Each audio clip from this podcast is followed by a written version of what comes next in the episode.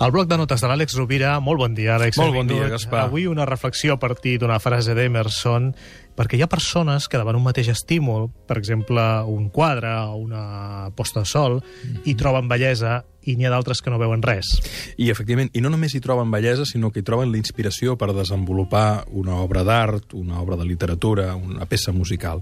Deia Emerson, que és un, és un filòsof que s'ha de llegir, igual que Turó, és un filòsof extraordinari. Recordem que Emerson era un dels pensadors americans de finals del segle XIX més, més fructífers.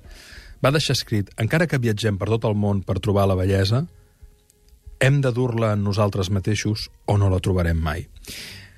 Què és el que fa que hi hagi persones que davant de la quotidianitat trobin joies, trobin miracles, trobin oportunitats en el millor dels sentits, no?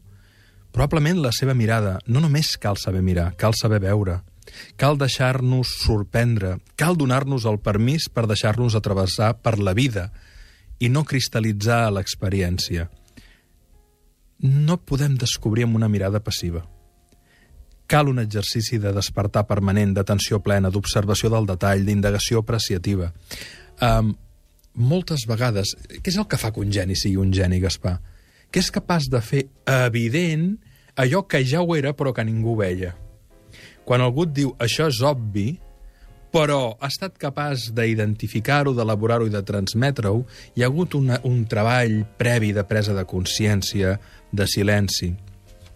Això ens porta a que moltes vegades les grans coses que ens dona la vida, per exemple, la gent que sembra alegria, probablement ho fan amb una elecció conscient i permanent.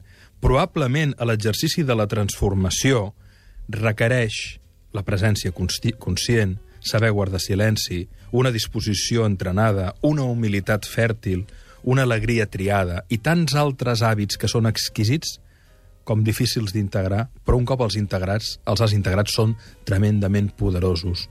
Només podem descobrir la bellesa, el misteri, la grandesa, si fem l'exercici de contemplar la vida, com la mirada d'un nen, com la mirada que no cristal·litza i que sovint no conceptualitza i que es deixa travessar contínuament per la sorpresa.